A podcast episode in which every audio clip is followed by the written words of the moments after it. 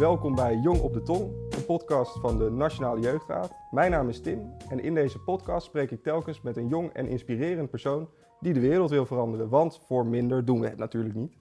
Vandaag zit bij mij Rickert van Huissteden, 25 jaar oud, theatermaker en ook aanjager van de mannenemancipatie. Al op zijn negentiende mocht hij samen optreden met Herman van Veen. Hij heeft ook in Carré gestaan en verder ontwikkelde hij de groep Boys Won't Be Boys, waarmee hij het mannelijkheidsideaal ter discussie stelt. In tijden van hashtag MeToo, homofobie, seksisme, racisme en geweld wordt het namelijk al eens tijd om als mannen te beginnen aan een stukje zelfreflectie. Ja, welkom Rick, welkom op onze gele bank hier bij de NJR. Ehm, door deze introductie zou de luisteraar misschien bijna het idee krijgen dat ik jou ken. Dat is eh, niet waar, want wij hebben elkaar pas net ontmoet. En wat gesprekken gehad over ons ontbijt, maar voor de rest eh, niet echt eh, hele intrigerende gesprekken. Ik knal er gewoon lekker in met een hele persoonlijke vraag. Als ik jou weer wil eh, leren kennen, wat is dan het allerbelangrijkste wat ik van jou zou moeten weten? Wow, is dat heftig, is hè? meteen een hele goede vraag. Ja.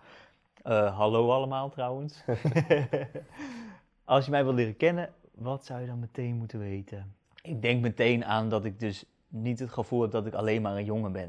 Of dat dat een soort van krap, dat ik die ruimte te krap vind. Dus eigenlijk was mijn introductie eigenlijk al fout toen ik... eh, Want wat zei heb, jij je, dan? heb ik je al jongen genoemd in de... Nee, volgens mij niet trouwens. Nee, Nee. dat heb je Oh. niet gezegd. Eh, Maar dus dat is wel uitleggen? interessant, denk ik. Maar ik denk dat ik dat niet hoef te zeggen, want dat zie je ook aan mij. Als ik bijvoorbeeld een jurk aan heb of zo. Ja, precies. Dan is wel duidelijk dat je niet alleen maar identificeert binnen dat Ja. hokje van jongen. En hoe is dat eigenlijk gekomen zo, ben ik wel benieuwd. Is dat eh, op een bepaalde leeftijd dat je bedacht van nou, ik ben niet alleen een jongen? Nee, dat is een soort heel geleidelijk proces. eh, waarin ik dan voelde van, eh, oh, dat is best wel krap, die ruimte. Als jongen. Voor, voor jongens hè, in de maatschappij. Om, om wat je allemaal wel of niet mag of moet of kan. En in eerste instantie dacht ik dan dat ik gek was. Totdat ik doorkreeg dat, dat de wereld misschien een beetje apart in elkaar zit. Eh, dus in een soort van langzaam, stapje voor stapje proces. Dat is niet één groot moment van realisatie van eh, nou, dit klopt gewoon niet, ik ga me gewoon nu mezelf vrijbreken, zeg maar. Nee, en ik weet ook niet precies wat het betekent als ik zeg van ik ben niet alleen maar een jongen, want ik ben wel een jongen. Maar eh, ik ben denk ik niet wat veel mensen vinden dat een jongen is. Ja, en daar gaan we natuurlijk later ook wat meer over hebben. Ik zei het al in de introductie over dat mannelijkheidsideaal, wat mensen dan heel erg verwachten, denk ik, van mannen. Ja. En dat voelde dat ehm, ook als een bepaalde druk op jou, van nou, ik moet mezelf zo en zo gedragen, want dat hoort als je een jongen of een man bent. Ja, nou ja, het grappige is dus dat we er nu zo heel concreet over praten. En dat ik hier zit en daar dan over dingen over zeg met jou.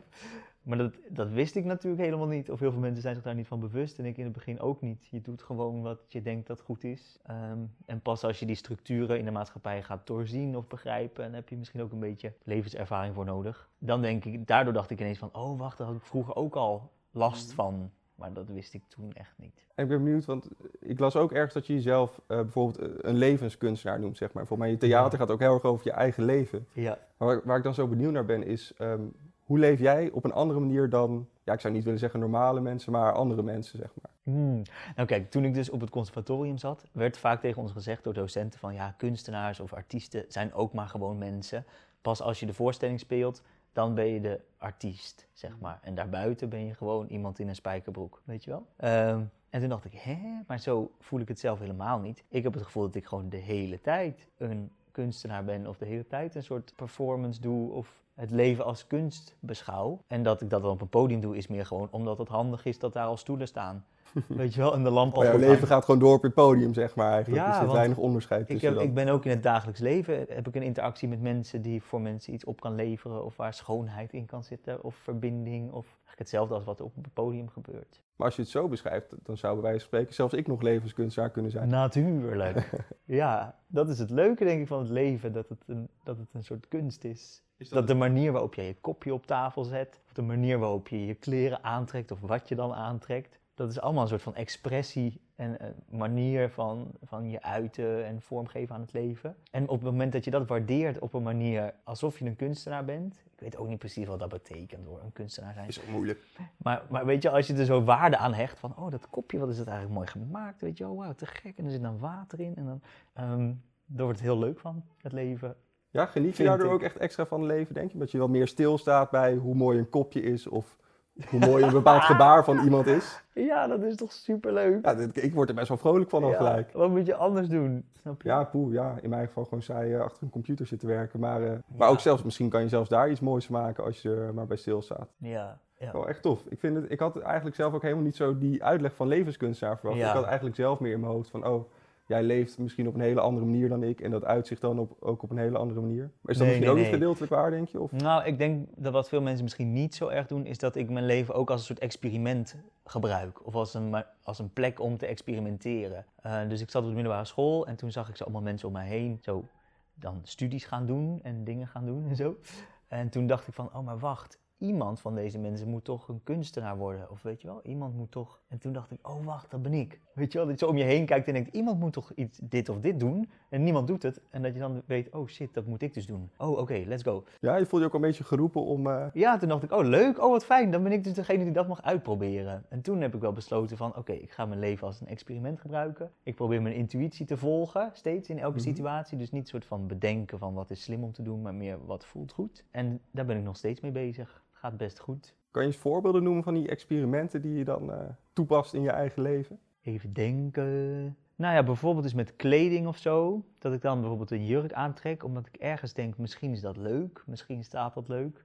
Doe ik het aan, kijk in de spiegel, denk oh, het staat best leuk. Eh, en dan een jaar later of zo, weet je wel. Dus als ik dat een paar keer thuis aan had gedaan, dacht ik, oh, misschien kan het eigenlijk ook op straat. Ehm, en zonder dat ik dan zelf weet van, ik wil dat per se. Maar meer van, oh, kijken wat er gebeurt. Kijken hoe dat werkt of wat. Van Is dat niet verschrikkelijk spannend in het begin als je dan besluit van, nou, ik ga ook nu de straat ja, dat is heel spannend, maar eigenlijk heb ik bijna alleen maar positieve, leuke, blije, vrolijke reacties gekregen van mensen. Nou, ik niet direct verwacht. Er zijn toch ook wel, helaas zou ik willen zeggen, ook nog wel veel mensen die wat minder tolerant zijn. Ik kan me voorstellen dat je ook best wel hele vervelende reacties kan krijgen als je dat doet. Ja, en toch, ja, denk, ik denk dat soort reacties of zo, of dat soort momenten, die worden vaak heel erg uitgelicht in het nieuws, weet je wel.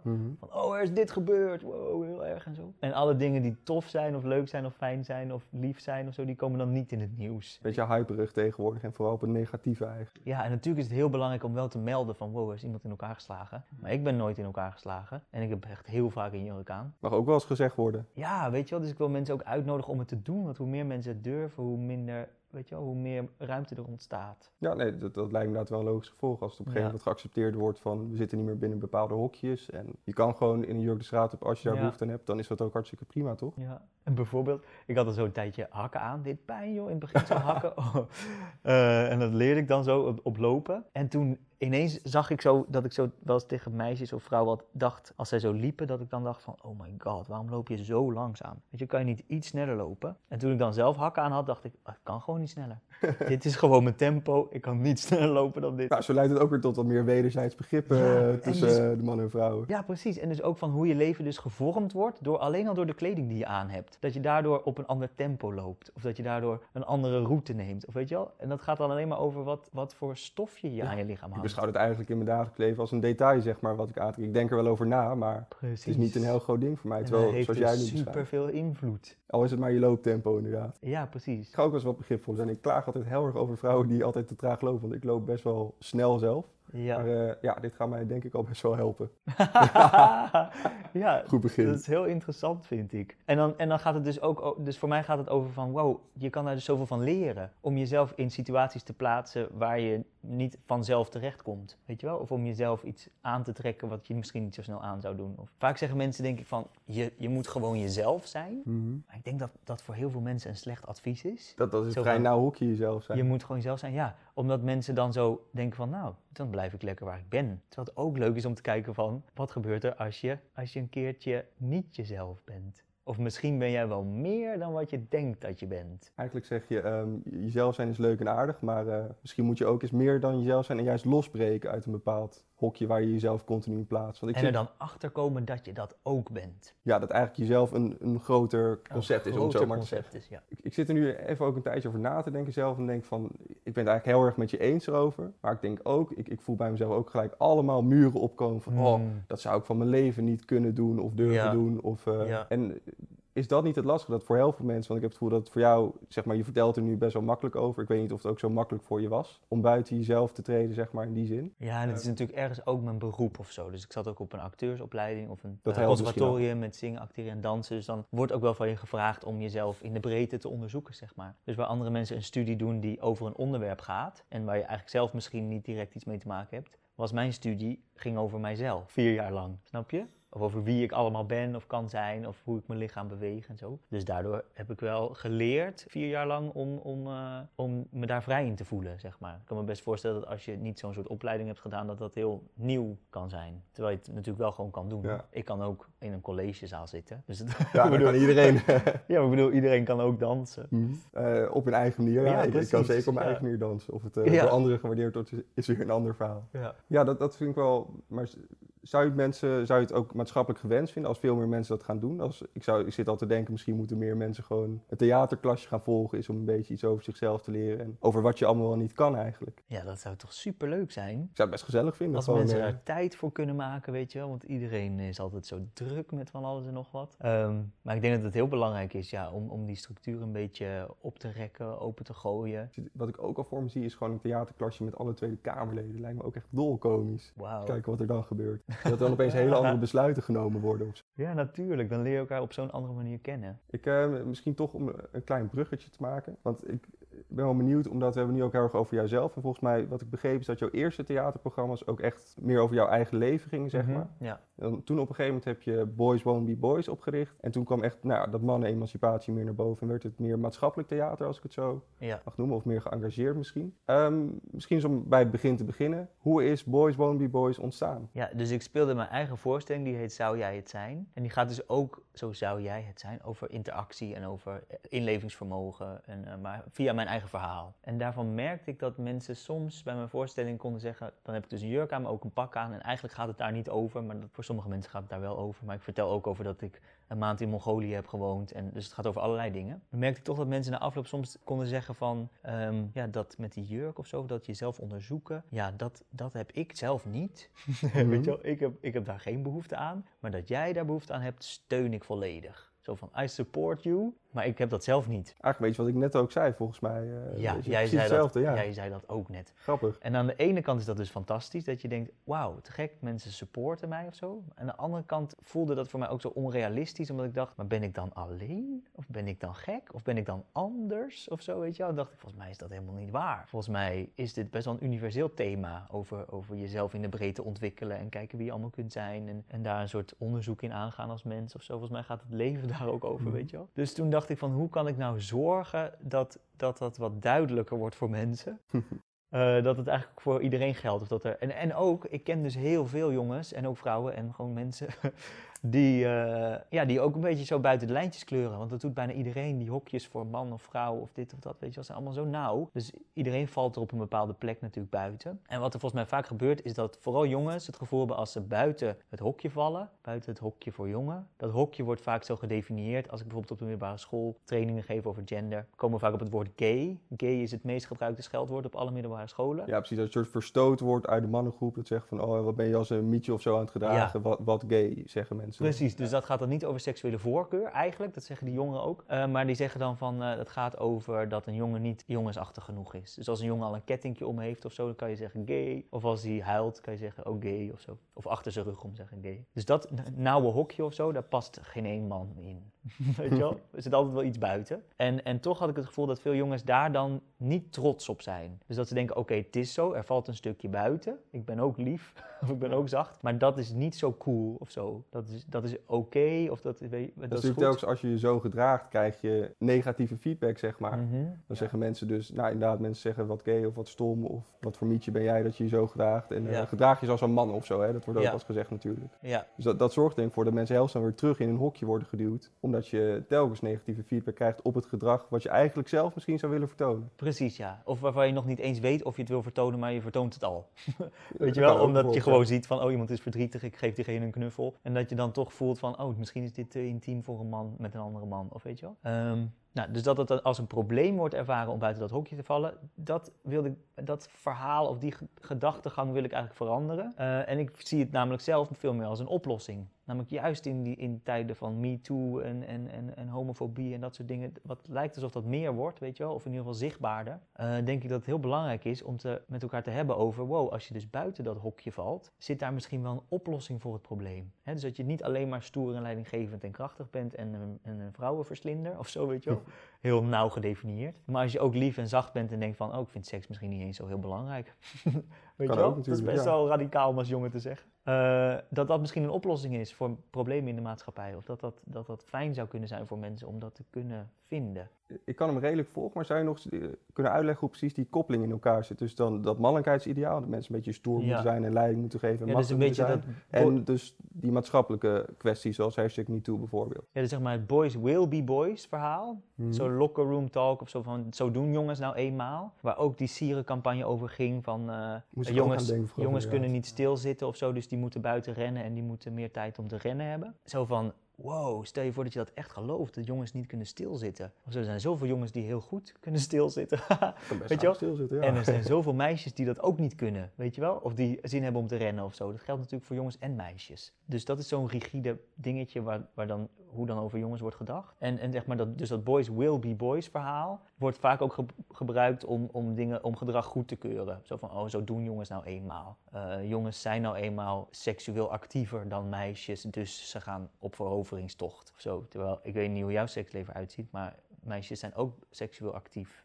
Nou ja, ik vind En het wel soms- grappig, want ik ben zelf ook niet echt zo'n type veroveraar als bijvoorbeeld om mijn seksleven gaat of zo. Ja. En dan eh, denk ik ook wel eens van, ja, hoort dat dan wel zo te zijn of zo? Moet ik nu een kroeg binnenstappen en een beetje zoals een soort van gorilla meisjes achterna gaan zitten? Vind ik eigenlijk ook wel gek ergens. Maar ik vind, want de koppeling die je net maakt is dus eigenlijk dat je zegt, nou, mannen gaan zich een beetje het gewenste gedrag dus vertonen. En zo ontstaat er nou bijvoorbeeld op eh hashtag MeToo op seksgebied dan een soort van grijs gebied van, oh, ik kan dit en dit eigenlijk ook nog wel maken, want dat hoort gewoon een beetje bij man zijn. Ja, en er wordt dan dus zo goed gepraat, vaak. Of zo van, je kan er niks aan doen. Ik vind het interessant dat jij zegt van, ergens voel je dus die ruimte om op een meer macho manier meisjes te versieren. Die ruimte bestaat. Nou, dat is wel een beetje, nou, bestaat sterker nog, dat is volgens mij juist een beetje het gewenste of zo. Dus Ja. ik heb wel eens vrienden gehad en dan eh, ging ik met die vrienden naar de kroeg en die zeiden dan van, oh, we gaan dus naar de kroeg toe en we gaan nu meisjes versieren en eh, wingmannen en zo. Ja. Eh, ik bedoel, dat kan, maar hoeft ook niet per se of zo, denk ik dan zelf. Ik denk zelf van, nou, ik vind het eigenlijk ook wel chill om gewoon een drankje te doen en ik vind het ook leuk als een vrouw naar mij toe komt of zo. Ik hoef er niet zelf achteraan te jagen. Gebeurt helaas niet heel vaak, maar gewoon voor het idee, zeg maar. En hoe voelde jij je dan als die jongens dat zeiden? En jij had daar misschien geen zin in? En zei je dat dan ook? Nou, in het begin denk ik minder. Ik ben het op een gegeven moment wel meer gaan zeggen, omdat, nou ja, zoals jij beschrijft, je wordt wat volwassener en wat zekerder. En je denkt van, nou, ik kan ook wel gewoon zeggen dat het me daar niet echt om gaat. En dat ik gewoon vooral gezellig een drankje wil, eh, Ja. wil gaan doen. Toen, ehm,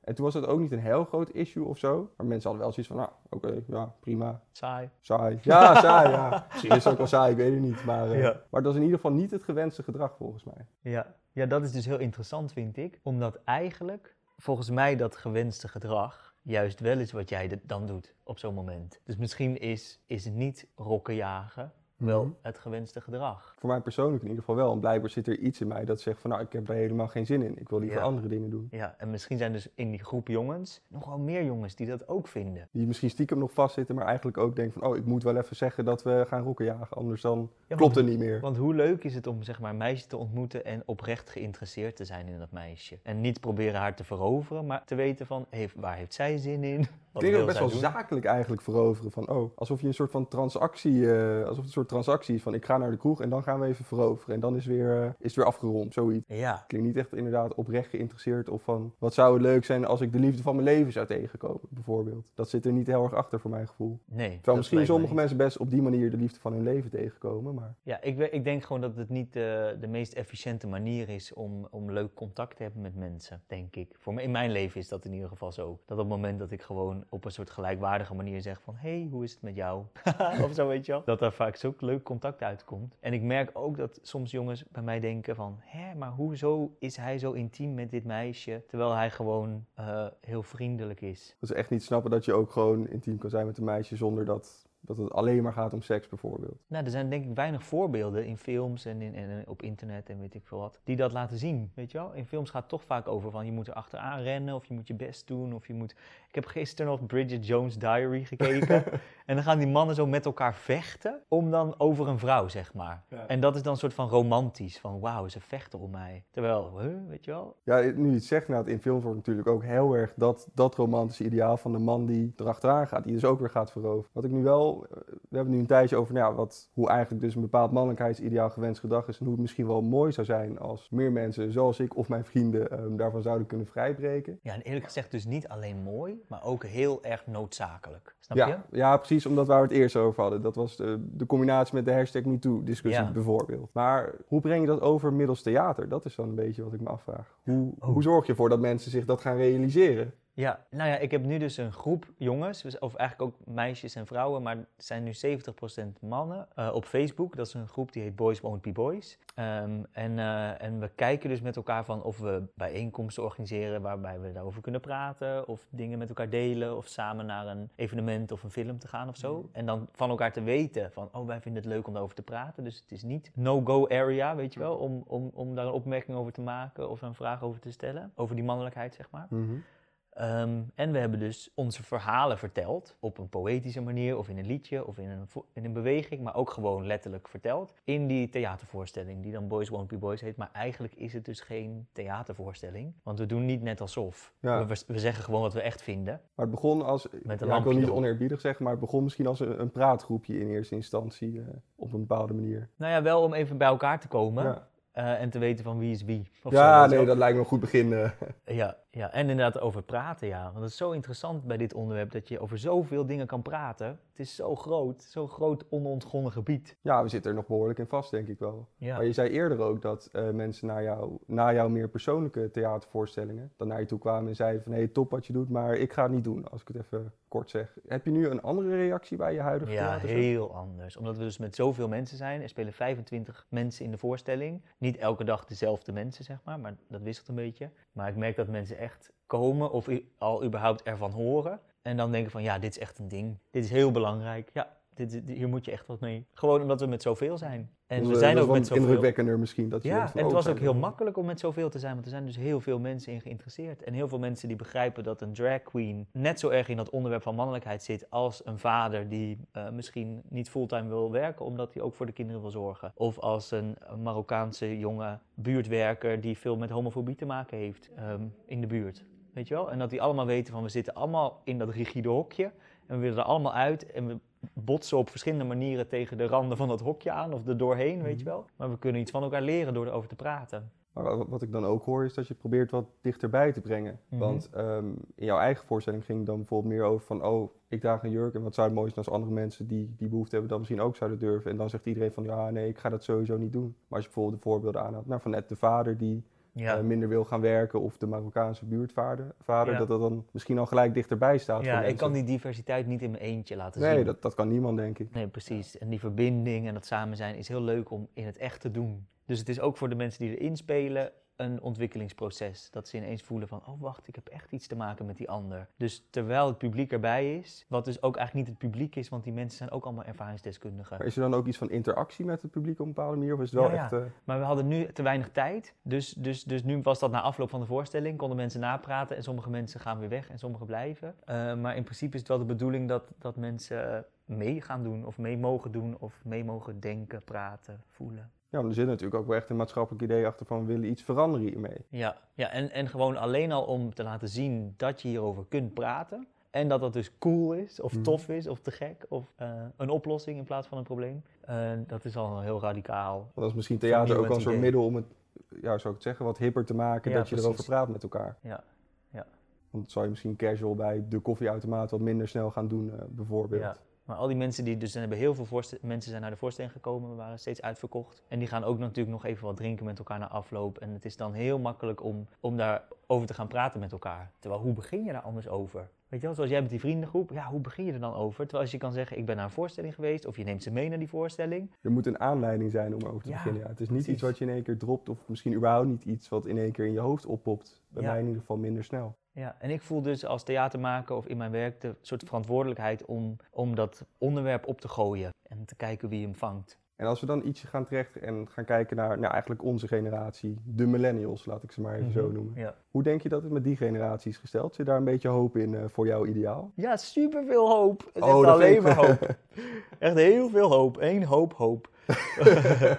Want eh, ja, ik had dus verwacht van dat het een beetje langzaam zou gaan of een rommeltje zou zijn met die groep, weet je wel. Maar het gaat zo snel. Er zijn zoveel mensen geïnteresseerd. En er is echt behoefte aan die overkoepeling rondom dat thema. Omdat toch voor heel veel mannen, denk ik, zo de LHBT-gemeenschap heel ver weg lijkt. Terwijl daar heel veel kennis zit en heel veel over, overkoepelende thema's of, of vergelijkbare vragen. En je wil dat gesprek gewoon voeren, weet je wel. Je wilt gewoon met elkaar in verbinding komen. Dus, dus als aan de ene kant een trans man staat en aan de andere kant iemand die nog nooit een trans iemand heeft ontmoet, maar die hebben misschien wel dezelfde vragen over van wat betekent het eigenlijk om een man te zijn. Weet je wel? Dus als die met elkaar in gesprek gaan, dat is fantastisch. Ja, dat lijkt me Dat wel een heel zinvol gesprek. Dat willen volgens mij al die millennials, weet je wel. Kom erbij.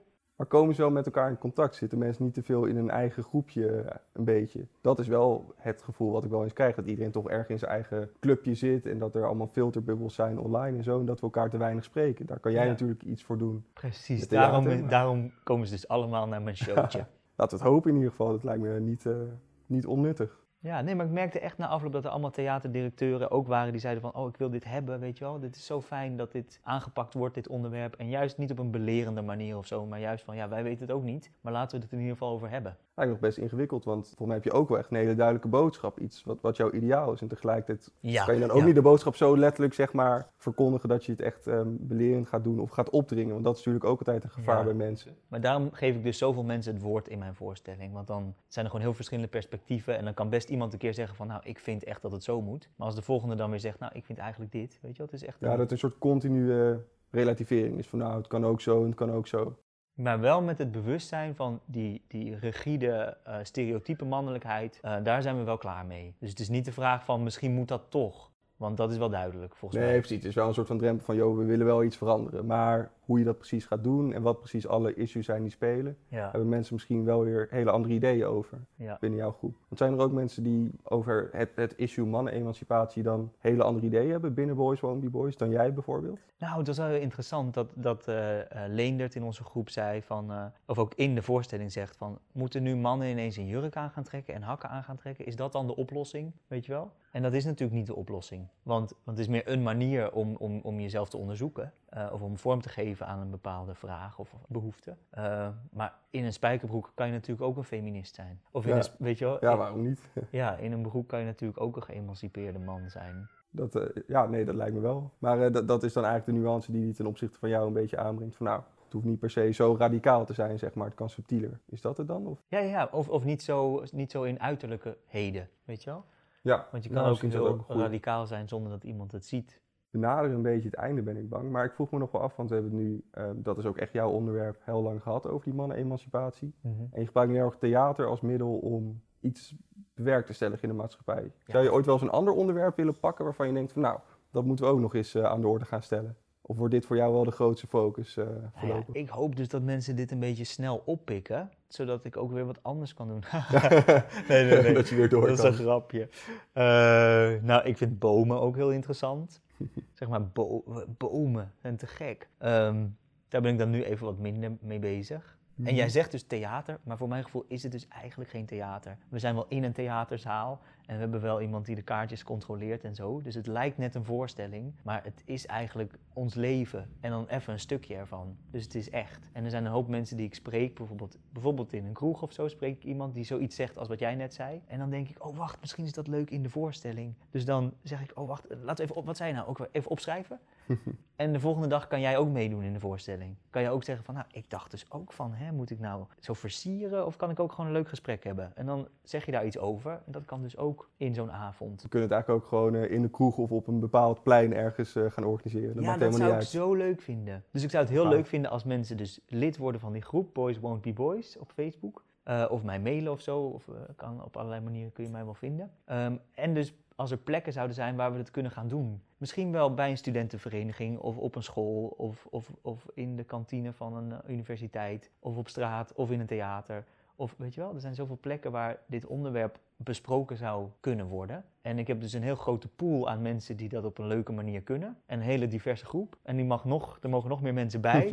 En dan kan ook kunnen we gewoon- overal, altijd. ja, dan kunnen we gewoon het land in, weet je wel. Dan kunnen we gewoon overal langs gaan en dat gesprek voeren. Dat is zo leuk en bevrijdend. Kijk, dit is wel denk ik een mooie opstap naar wat een beetje mijn plan is om eh, als slotvraag te gaan stellen. Want volgens mij heb je hele grote ambities met die mannen-emancipatie. Misschien als de Trumps, Poetins en andere dictators van de wereld een beetje emanciperen, dat we zowaar wel iets van wereldvrede kunnen krijgen, zou ik eh, haast willen zeggen. Maar mijn vraag aan jou is eigenlijk vooral, ehm, wat is jouw ideaal? Dus stel we moeten jouw persoonlijke utopia een beetje gaan schetsen. En over een x aantal jaar, misschien 10 jaar, misschien 20 jaar, is de wereld precies zoals jij wil dat die is. Hoe ziet die wereld er dan uit? En wat is jouw plaats in die wereld? Wauw. Kijk, eigenlijk denk ik dat het niet zo'n interessante vraag is.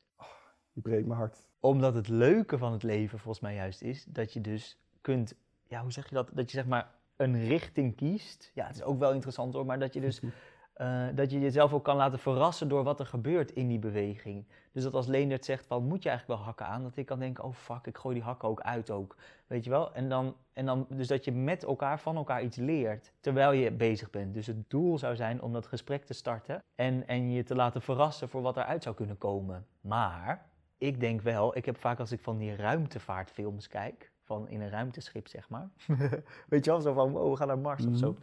Dan zijn in dat soort films, die dan over de toekomst gaan, eh, heel vaak nog steeds die man-vrouw stereotypen aanwezig. Zo van, nee, nee, laat mij maar even met die knopjes, want jij bent een vrouw, jij snapt dat niet. Of zo. Terwijl je heel goed begrijpt als je met tien mensen in een ruimteschip zit, dat je dat echt niet kunt doen. Dat je alle talent wat er is, volledig moet proberen te benutten. Weet je wel? En dan moet je al die gender shit echt even aan de kant zetten. En die man moet gewoon even op die kinderen letten, want die vrouw die moet even die knopjes indrukken. Daarin voel ik dan soms ineens van, shit, we besteden zoveel tijd aan vormgeven van die genderhiërarchie. En dat is zo zonde van onze tijd. En daar gaat zoveel talent in verloren, weet je. Gaat echt heel veel talent aan lieve, zachte jongens verloren en aan stoere, leidinggevende vrouwen, weet je wel. Ik zou echt heel graag willen dat dat niet meer zo is. En dat iedereen alles kan zijn, want dat kan namelijk al. Maar dat je dat ook durft te doen en de ruimte creëert voor iedereen om zich te ontwikkelen zoals ze dat fijn vinden. En dat je dan inderdaad een beetje een soort schouderophalend zou kunnen zeggen van ja, die man-vrouw verschillen of zo. Ja, dat is zo totaal Het irrelevant bestaat gewoon niet geworden. meer op een gegeven moment. Ja, dat hoop ik. Of ik bedoel, we mogen wel van elkaar verschillen. Maar dat je zegt van mannen en vrouwen zijn twee groepen die weet je wel, fundamenteel van elkaar verschillen. Dat is echt een onhoudbaar idee, denk ik. En dat weten vrouwen al zo lang. Ik bedoel, het feminisme is al meer dan 50 jaar hard bezig met die ruimte voor vrouwen creëren. En ik voel gewoon aan alles dat mannen ook zin hebben om zich in de breedte te ontwikkelen. Dus ik heb heel veel hoop op die gelijkwaardigheid. Nou, laten we hopen dat eh, die gelijkwaardigheid komt. Volgens mij ook een stukje vrijheid ermee. Lijkt me echt een mooie wereld. Ik vond het een heel erg interessant gesprek. Ik ben heel erg blij dat je was bij ons op de gele bank bij de NJR. En dan ga ik nu tegen de luisteraar zeggen, ik hoop dat je de volgende keer weer luistert. Joe.